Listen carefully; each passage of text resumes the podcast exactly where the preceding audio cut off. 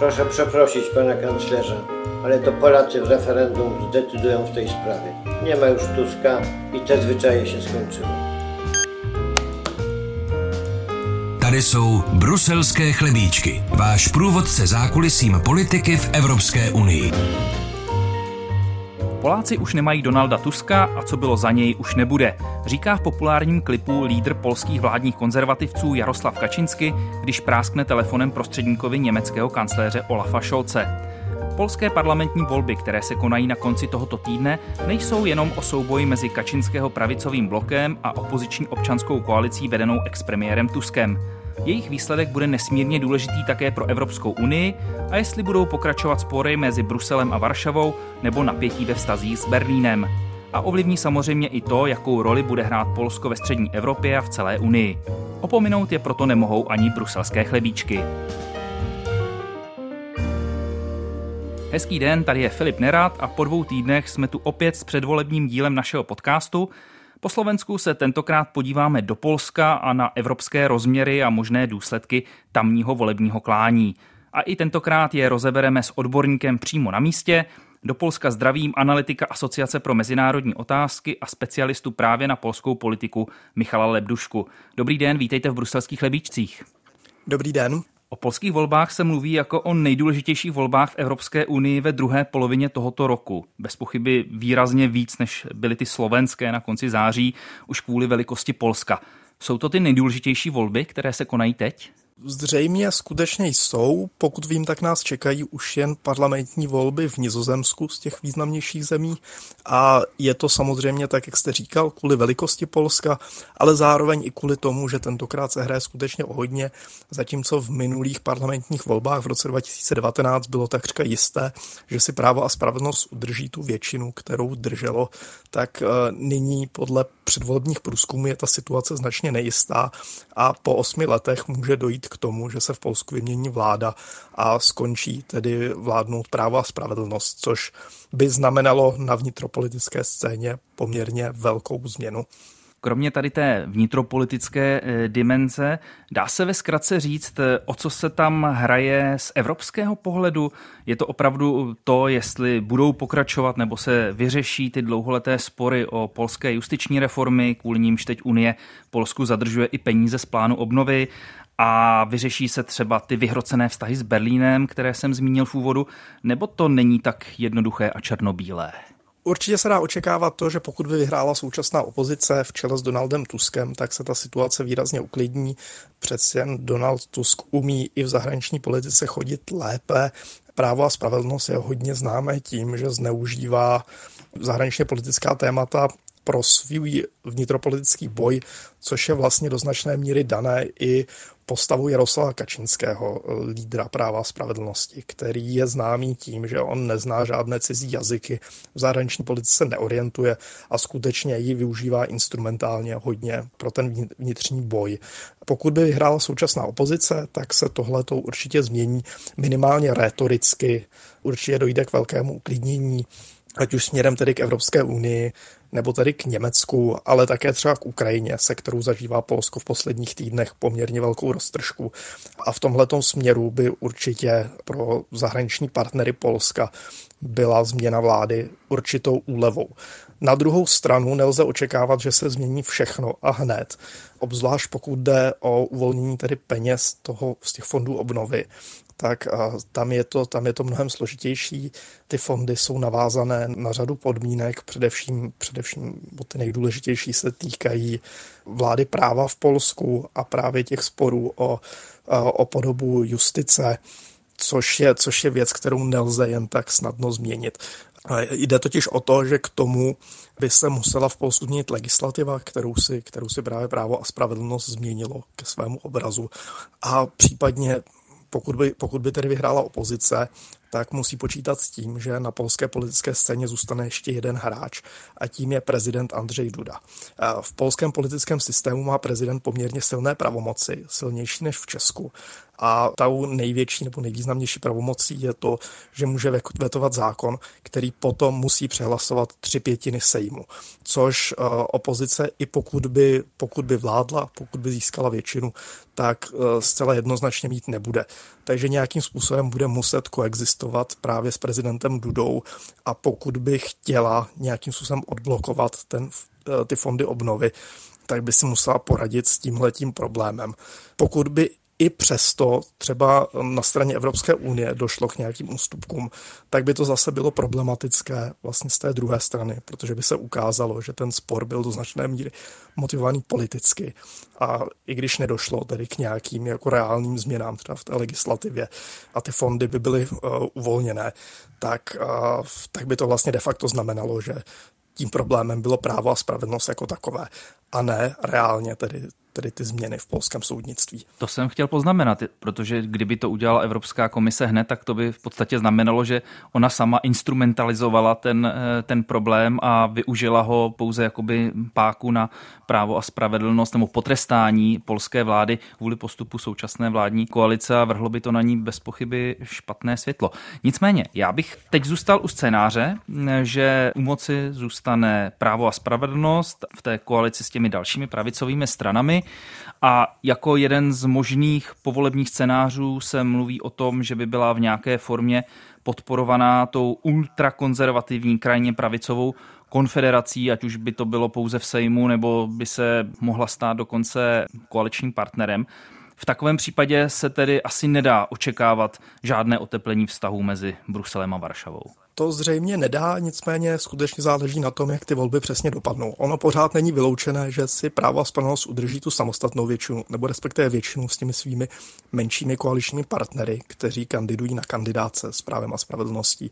Takže v tom případě by to asi bylo stejné, nebo možná, možná by i došlo k určitému uvolnění, protože přeci jenom teď v té předvolební atmosféře je ta retorika vybičovaná a ostřejší než obvykle, takže, takže možná by došlo i třeba k nějakému uvolnění. Pokud by došlo k tomu scénáři, kdyby právo a spravedlnost podporovala konfederace, tam se asi nedá očekávat to, že by spolu přímo vstoupili do koalice. Přece jenom ta krajní pravice to vylučuje, ona se vymezuje velmi ostře proti obou stranám toho politického sporu v Polsku, jak proti právu a spravedlnosti, tak proti občanské platformě Donalda Tuska. Ale eh, určitě tam je nějaká možnost tiché podpory, nebo třeba toho, že by si, že by si právo a spravedlnost vytáhlo část potřebných poslanců té krajní pravice, tak v případě tohoto scénáře já si myslím, že by se možná ani tak nezměnilo tolik v přístupu k Evropské unii, jako spíš v tom, že by ta polská vláda byla v tomhle případě velmi nestabilní.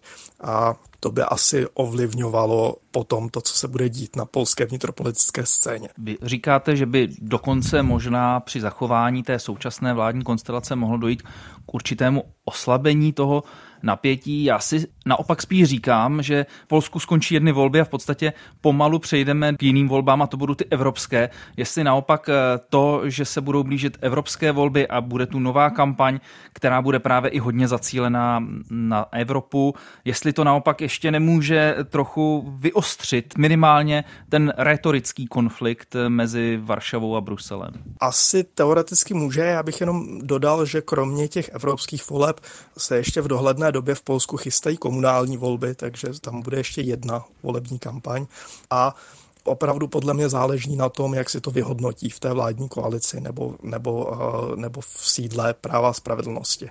Ono velmi často vlastně taková velmi jako typická taktika právě téhle té strany je to, že oni vybičují tedy ty emoce, zvednou teda nějaký konflikt. Velmi často, velmi často se to dělá kvůli tomu, aby se zakryly nějaké vlastní vládní problémy, nějaké kauzy, které jsou, které jsou nevýhodné, aby se nastolila nějaká jiná agenda, o které, se, o které se v ten moment začne mluvit. Ale pak velmi často zase dochází k nějakému jako uklidnění té situace, k nějaké jako deeskalaci těch konfliktů. Takže i tento scénář je podle mě možný a skutečně, skutečně asi jako bude záležet na tom, jak si to vyhodnotí přímo v právu a spravedlnosti, případně jak se k tomu postaví ti menší koaliční partneři. Mluvíme tady především o ministru spravedlnosti Zbigněvu Žobrovi, který je takovým největším radikálem v tom vládním táboře a případně tedy samozřejmě také na tom, jestli jako nepřijde z, z Evropy nějaké téma, kterého by se zase v rámci třeba té předvolební kampaně před evropskými volbami mohla ta vládnoucí pravice chytit. To jsou všechno otázky, ale které teď, které teď nevíme a opravdu záleží na té konkrétní konstelaci, jestli, jestli si vyhodnotí, že se jim vyplatí tedy snížit to napětí nebo dál nějakým způsobem touhle rétorikou mobilizovat, mobilizovat ty své voliče. Z čeho vlastně pramení ten velmi kritický postoj ať už práva spravedlnosti, tak celého toho polského pravicového tábora vůči Evropské unii. Vychází to vyloženě z toho sporu o ty soudní reformy a to do, o to dodržování principů právního státu v Polsku, kvůli kterým je polská vláda už mnoho let terčem kritiky a tlaku ze strany Evropské unie, nebo je to něco hlubšího, ideologického? Je to částečně ten tlak právě kvůli té vládě práva v Polsku a kvůli těm veškerým problémům, které se objevují. Ale zároveň je to, je to tedy i ideologická věc a ta spočívá vlastně v tom, že práva a spravedlnost má takové velmi silné národovecké tendence, hodně pracuje s rétorikou toho, že brání Poláky před nějakým vnějším ohrožením, co ostatně objevuje i teď v té předvolební kampani s tématy vlastně národní suverenity a, a podobnými. A v tomhle směru uh, hodně naskakuje na takový ten celo, na takový ten trend, který se objevuje na celém západě. Velmi silně třeba podporovali Donalda Trumpa v, ve Spojených státech ještě před válkou na Ukrajině vlastně se právo a spravedlnost účastnil takových sjezdů, eh, sjezdů eh, těch populistických až krajně pravicových stran, včetně třeba Marine Le Pen, Matea Salviniho a jiných. Takže je to vlastně nějakým způsobem i to, že oni jsou součástí tohohle toho vlastně tábora dlouhodobě, takže, takže je, zatím, je zatím i tady ta, tady ta ideologie. A obyčejní Poláci, jak ty vlastně vnímají Evropskou unii? Je ta společnost taky tak rozpolcená podle těch volebních preferencí eh, na odpůrce Unie a ti hlasují, řekněme, pro tu pravici až krajní pravici a naopak eh, stoupenci, kteří podporují ten středolevý opoziční tábor? Ono takových jako čistých odpůrců Evropské unie v Polsku za stolik není. Pokud se podíváme na průzkum veřejného mínění, i třeba to, co dělá pravidelně Eurobarometr, tak vidíme, že Poláci jsou jedni z největších podporovatelů Evropské unie, což je dané jednoduše tím, že postupu do Evropské unie se Polsko obrovským způsobem ekonomicky zvedlo, do Polska přitekly obrovské peníze a Poláci to vědí a je to skutečně v Polsku vidět na první pohled. Takže v Polsku je Evropská unie jako taková populární a i proto právě právě právo a spravedlnost eh, a Jaroslav Kačínský si dávají velký pozor na to, aby nějakým způsobem nedali opozici šanci mluvit, mluvit o tom, že chtějí nějakým způsobem vyvést Polsko z Evropské unie, což je ostatně, ostatně retorická figura, kterou Donald Tusk používá poměrně často. Takže v tomhletom směru Poláci Evropskou unii podporují eh, nebo podporují členství v Evropské unii, ale na druhou stranu je tam, je tam tedy samozřejmě určitá skepse, která souvisí přesně právě třeba s těmi národoveckými tendencemi, které jsou v určité části polské společnosti poměrně silné a je to vidět i na některých praktických věcech, úplně jako nejbanálněji, typicky třeba jen to, že Polsko stále nepřijalo euro ani se k tomu nechystá. Ale ty peníze to je velice zajímavá věc, protože Polsko to je největší čistý příjemce evropských peněz a ta neústupná nebo konfrontační politika té současné vládní garnitury už vedla k tomu zablokování peněz z toho unijního fondu obnovy a to ve výši 35 miliard eur, což není málo peněz. Jak moc třeba toto poškozuje Polsko a proč to není stále tak vážný důvod, aby polská vláda, ta současná, myslím, souhlasila s těmi požadavky Evropské komise a nějak ten spor urovnala, aby se k těm penězům dostala? Ono se té polské vládě daří to prezentovat tak, že ty peníze z těch fondů vlastně tolik nepotřebuje, že to není až tak velká částka, která by nějakým způsobem jako změnila situaci v Polsku. Samozřejmě je jasné, že třeba na komunální úrovni by to mnohde, mnohde velmi pomohlo. Nicméně právě té vládě se daří vyvolávat takovéhle zdání, že to není až tak zásadní.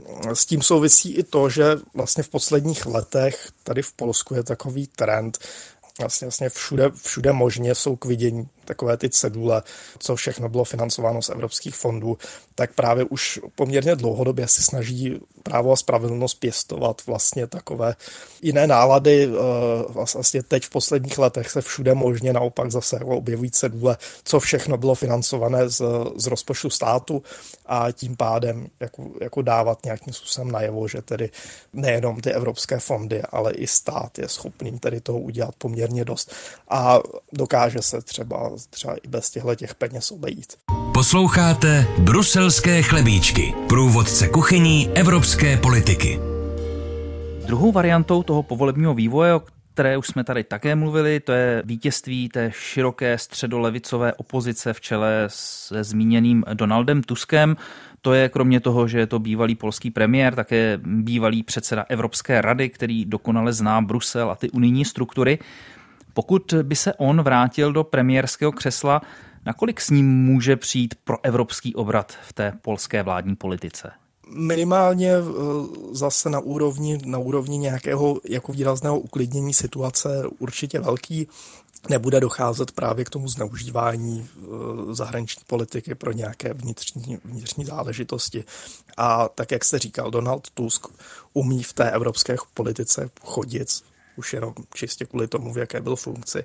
Takže v tomhle směru by si určitě dokázal vyjednat mnohem víc a Polsko by mělo výrazně větší slovo v Evropské unii, což samozřejmě souvisí i s tím, že občanská platforma Donalda Tuska je součástí Evropské lidové strany, která je významnější frakcí v Evropském parlamentu.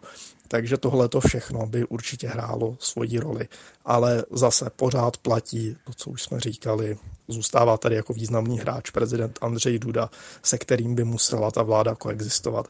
A pak je otázka, nakolik by to určité jako hlubší změny právě třeba na úrovni legislativy umožnilo. Tady musíme připomenout pro naše posluchače, že Andřej Duda je nominant nebo nevím, jestli i člen té současné vládní strany práva a spravedlnosti a pomocí ní se dostal do prezidentského křesla. Členem práva a spravedlnosti samozřejmě není, toho členství se vzdal, když se stal prezidentem, nicméně je to samozřejmě původně člověk, který vychází z té strany. Byl to europoslanec za právo a spravedlnost a je to samozřejmě, samozřejmě člověk Jaroslava Kačinského, který tam byl, který tam byl právě Kačinským jako jednoznačně dosazený. Jak by se tyto vládní konstelace povolební dotkly přístupu k podpoře Ukrajiny proti ruské agresi? Polsko bylo doposud neochvějným podporovatelem Kijeva, ale ty vztahy se v poslední době zhoršily kvůli sporům o zákaz exportu ukrajinského obilí do Polska. Premiér Moravěcky dokonce prohlásil, že Polsko teď musí vyzbrojovat sebe a nedodávat eh, zbraně na Ukrajinu. Je myslitelné, že by po volbách došlo k nějakému ochlazení tady toho pro ukrajinského kurzu Polska, kdyby například pokračovala současná vládní eh, garnitura nějakým způsobem třeba v Sejmu podporovaná tou konfederací, která je, nebo minimálně části těch politiků jsou, řekněme, protiukrajinští, nebo mluví se tam i o, o nějakém vlivu ruských peněz a podobně. Já si myslím, že by spíš naopak došlo k nějakému určitému uklidnění té situace. Přece jenom ta atmosféra je teď hodně vybičovaná tou předvolební kampaní a ta ostrá retorika z polské strany, ze strany práva a spravedlnosti, třeba i od premiéra Moravěckého, je hodně diktovaná tou současnou předvolební situací. Pokud je Ukrajinu, tak tam musíme asi rozdělit, to musíme rozdělit na dvě věci. Jedna je ten současný spor o dovoz polských potravin do Polska, případně o jejich tranzit, tedy dále na světové trhy, což je teda ten hlavní spor, který se nyní řeší, který tedy nějakým způsobem teď podle, podle posledních zpráv, tak, tak už obě strany vyjednávají, tam došlo k určité, určité deeskalaci toho napětí, už není ta retorika tak ostrá, jako byla. A dá se očekávat, že, že nějakým způsobem s postupem času se tenhle ten problém vyřeší. Pokud jde o tu spolupráci v bezpečnostní oblasti, tak tam je to poměrně jednoznačné, na tom panuje v polské společnosti a i na polské politické scéně poměrně jasný konsenzus. Já si myslím, že by to nezměnila ani třeba případná podpora té konfederace, protože na tom by se skutečně našla schoda napříč politickým spektrem a tam byl obrovský problém v tom, že eh, ta slova premiéra Moravěckého byla špatně přeložena a dezinterpretována. On neřekl, že Polsko zastavuje kvůli těm současným sporům dodávky zbraní Ukrajině, ale že Polsko už zbraně nedodává, kvůli svým vlastním vnitřním důvodům potřebuje se zbrojit a vyplynulo z toho, že vlastně jakoby už nemá příliš co nabídnout z těch vlastních skladů, což ale neznamená, že by třeba nebyly dodržovány kontrakty s polskými zbrojovkami. Ty samozřejmě pokračují. A tohle to jsou věci, které se na té polské politické scéně nezmění. Podpora Ukrajiny je dlouhodobá a vychází to z takové vlastně jako ideologické premisy, která se objevila poprvé v polském exilu ještě, ještě za komunismu, kdy byla vlastně rozvinutá taková teze o tom, že Polsko musí podporovat aspirace Ukrajiny, Běloruska a Litvy, což jsou státy, které když budou samostatné, budou silné, tak budou zaručovat Polsku bezpečnost před Ruskem.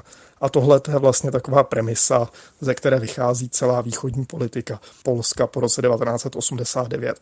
A na tomhle tom se určitě nic měnit nebude. Takže ani, vyhraje ty volby kdokoliv. To, to jsem se chtěl přesně ptat. Takže ani pokud by vyhrála současná opozice pod vedením Donalda Tuska, tak eh, tam žádnou změnu v přístupu k Ukrajině čekat taky nemůžeme. Určitě ne. V těch obecných rysech se to nezmění. Jestli se něco změní, tak to bude zase nějaké uklidnění té retoriky, případně třeba to, že do těch vzájemných vztahů nebudou tolik vstupovat ty historické spory, protože prostě občanská platforma Donalda Tuska neklade takový důraz právě na tyhle ty otázky. Nejsou tam ty národovecké tendence, takže tohle to už třeba nebude tolik otravovat i vzájemné vztahy. Ale v obecné rovině to nebude o tolik jiné. A co třeba ty spory o to obilí, protože ty určitě částečně souvisí i s tím, že zemědělci nebo venkov, to je silná voličská základna současné vlády, takže ta z toho důvodu logicky bere ohledy na, na tyto své podporovatele.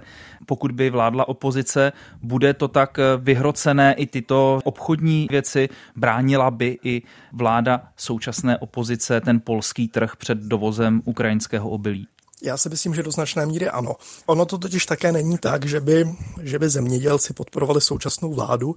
Ono ostatně není náhoda, že si Donald Tusk na svou kandidátku přibral Michala Kovodžejčáka, což je lídr poměrně vlivného zemědělského hnutí, které se jmenuje Agrounie. A to je hnutí, které vystupuje velmi kriticky proti, proti vládě práva a spravedlnosti. A mimo jiné, právě třeba on argumentoval hodně tím, že by se měl ten zákaz dovozu rozšířit i na další ukrajinské produkty. Takže v tomhle směru je ten spor téma vlastně na obou stranách toho politického spektra, ale ta retorika nejspíš po těch volbách bude skutečně klidnější. A ono, eh, jak už jsem říkal, tak, tak i teď momentálně vláda práva a spravedlnosti přistoupila k eh, vyjednávání o nějakém umožnění toho dovozu, o umožnění tranzitu takže tohle je věc, která se nějakým způsobem vyřeší z mého pohledu a bude to, bude to asi do značné míry jako hodně technická záležitost. Posloucháte Bruselské chlebíčky, průvodce kuchyní evropské politiky. Najdete je také na webu plus.rozhlas.cz, v aplikaci Můj rozhlas a v dalších podcastových aplikacích. Specifickou dimenzí současného politického dění v Polsku jsou vyhrocené vztahy se sousedním Německem. Polská vláda se opakovaně dožadovala doplacení válečných reparací, což Berlín odmítá. Vládní strany teď v předvolební kampani obvinují Německo a Šolcovu vládu prakticky ze všeho špatného. Opozici nálepkují, že působí v žoldu Němců a Německo je teď vnímáno až jako takový George Soros v té vyhrocené polské vnitropolitické debatě. Je teď Berlín v očích Varšavy větším zlem než Brusel, když to řeknu takhle obrazně? Skutečně se dá říct, že v těch posledních uh, měsících, možná i letech, je skutečně Německo uh, mnohem víc takovým pro tu současnou vládu takovým šorošem, kterým straší, uh, straší své voliče. Což je dané také, také vlastně jakoby tím, že do značné míry ten vládní tábor stotožňuje Německo s celou Evropskou unii, protože vlastně Evropská unie, to je, to je vlastně pro ně do značné míry tandem Německa, Francie a ono se to v tomhletom, v tomhletom spojuje. Nicméně pokud jde tedy, tedy o politiku vůči Německu, tak ona je vlastně, vlastně do značné míry kritická z obou stran. Hraje tam roli řada faktorů, samozřejmě jedna věc jsou určité historické reminiscence z období druhé světové války, které platí pro ten současný vládní tábor, který je velmi často zneužívá což je věc, která se táhne na polské politické scéně už opravdu velmi dlouho. Když se vrátíme ještě do dávného roku 2005, tehdy probíhala prezidentská kampaň, kde proti sobě startovali do funkce prezidenta Donald Tusk a Lech Kačínský, bratr současného lídra práva a spravedlnosti, který později zemřel v té letecké katastrofě ve Smolensku. A mimo jiné Donald Tusk tehdy nevyhrál ty volby kvůli tomu, že na něho právo a spravedlnost vytáhlo to, že Tuskův děda sloužil za druhé světové války ve Wehrmachtu. Oni tvrdili, že dobrovolně, což nebyla pravda. On to byl příslušník kašubské menšiny a jako takový musel narukovat povinně. Ale tahle ta vlastně jakoby, jakoby rétorika do značné míry umožnila Lechu Kačinskému vyhrát tehdy ty volby. To jsou ty historické reminiscence, ale na druhé straně pak je tady otázka německé politiky a vůči ní je kritická nejenom současná vláda, ale i ta opozice. Takže, takže otázka, jak ty vztahy budou vypadat. Zase určitě nějak retoricky se sklidní. Nebude to tak vyhrocené a ostré, ale kritika třeba, která se bude týkat pomoci Ukrajině, nebo i podle mě takových věcí, jako třeba energetická politika, tak ty se budou objevovat stále a to se asi do značné míry nezmění, ani když bude vládnout současná opozice ta německá karta na polské voliče funguje? Já se na to ptám z toho důvodu, že v Česku to byl velmi umě využívaný nástroj, jak vyvolat nějakou debatu a zakrýt třeba problémy. Víme, že sudeto německá otázka se instrumentálně vytahovala v české politice od 90. let. Miloš Zeman ještě pomocí ní vyhrál ty první prezidentské volby, kdy obvinil svého soupeře Karla Schwarzenberka, že bude prosazovat sudeto německé zájmy a podobně. Funguje to tam podobně, že na to určitá část toho elektorátu slyší na ty obavy z Německa a přináší to politické body? Eh, určitě přináší, jinak by to právo a spravedlnost nevyužívalo. Minimálně v minulosti byly ty sentimenty skutečně velké, což dokazuje právě ta prezidentská kampaň z roku 2005, kde to skutečně hrálo obrovskou roli tehdy. Ono samozřejmě postupně s eh, tím, jak tedy přicházejí mladší generace, které už nemají ty sentimenty zdaleka tak silné, tak se tyhle ty věci trošičku otupují, ale pořád to na značnou část společnosti eh, funguje. A ono v případě právě třeba práva spravedlnosti je to i určitý způsob, jak mobilizovat svůj vlastní elektorát, protože tam je vlastně jakoby potřeba zdůraznit, že právo a spravedlnost má tu svoji největší základnu mezi nejstaršími Poláky a ti vlastně na tahle, ta, na tahle ta slova, na tuhle tu retoriku pořád slyší, takže, takže i to je ten důvod, proč to současná vláda tak zneužívá. Co obecně role Polska ve střední Evropě? Váš kolega Vít Dostál nedávno zveřejnil studii, podle níž by v případě úspěchu práva spravedlnosti mohlo dojít ke zbližování této strany s Fidesem maďarského premiéra Viktora Orbána, a to i ve světle těch blížících se evropských voleb. Zatímco v případě úspěchu opoziční koalice bude zájem Varšavy o střední Evropu schlábnout. Souhlasil byste s tím, nebo byste to viděl jinak? V zásadě bych s tím souhlasil. Ono skutečně, pokud by hrála současná opozice, tak já si myslím, že tam bude tendence být co nejvíce součástí jádra Evropské unie, což je ostatně politika, která byla velmi charakteristická pro vlády občanské platformy před rokem 2015, kdy vládla 8 let. Takže tohle je věc, na kterou by se zřejmě Donald Tusk pokusil navázat a souvisí to samozřejmě i s tou jeho znalostí, tedy, tedy Bruselu a toho evropského prostředí a tedy ambicemi Polska. Pokud jde o střední Evropu, tak uh, si nemyslím, že by tam došlo i v případě výhry opozice k nějakému oslabení vazeb, při nejmenším s Českou republikou asi ne, nicméně ten důraz by byl skutečně asi jakoby kladen na spolupráci s většími hráči. Pokud jde o Maďarsko, o práva a spravedlnost, tak tam je to poměrně složité. On Jaroslav Kačinský se nikdy netajil tím, že právě Maďarsko Viktora Orbána je pro něj takovým velkým vzorem a že to je ten systém, který on by chtěl zavést u sebe v Polsku. Nicméně Polsko není Maďarsko a, a i ta společenská situace i to, jakým způsobem právo a spravedlnost vyhrává volby, tak mu to úplně neumožňuje. Přece jenom oni neměli nikdy v Polsku, uh, na rozdíl třeba od Fidesu v Maďarsku, ústavní většinu, takže některé změny to skutečně neumožňovalo. V Polsku je velmi silná taková ta městská část společnosti. V Polsku je mnohem víc takových velkých městských center, takže, takže ten odpor vůči právu a spravedlnosti je také výrazně silnější než vůči Fidesu v Maďarsku. Takže ono to není tak jednoduché. A já si myslím, že tohle to pořád platí, že, v, že vlastně Fides je do značné míry vzorem v těch vnitropolitických záležitostech, jak by právo a spravedlnost chtělo mít uspořádané ten stát. Na druhou stranu tady samozřejmě došlo k velké roztržce po ruské invazi na Ukrajinu v loňském roce a potom, jak Viktor Orbán přistupuje k Ukrajině. A i kvůli tomu si myslím, že by ta retorika zůstávala, zůstávala opatrná. Nějaké takové jako opatrné zbližování tam určitě možné je. Přinejmenším to, že by právo a spravedlnost příliš nekritizovalo Maďarsko, což je ostatně věc, která se děje už poměrně dlouho, ale zase, zase tyhle ty rozdíly právě v těch bezpečnostních otázkách by tam asi hrály poměrně silnou roli, která by byla pro polskou společnost do značné míry nepřekročitelná. Hmm.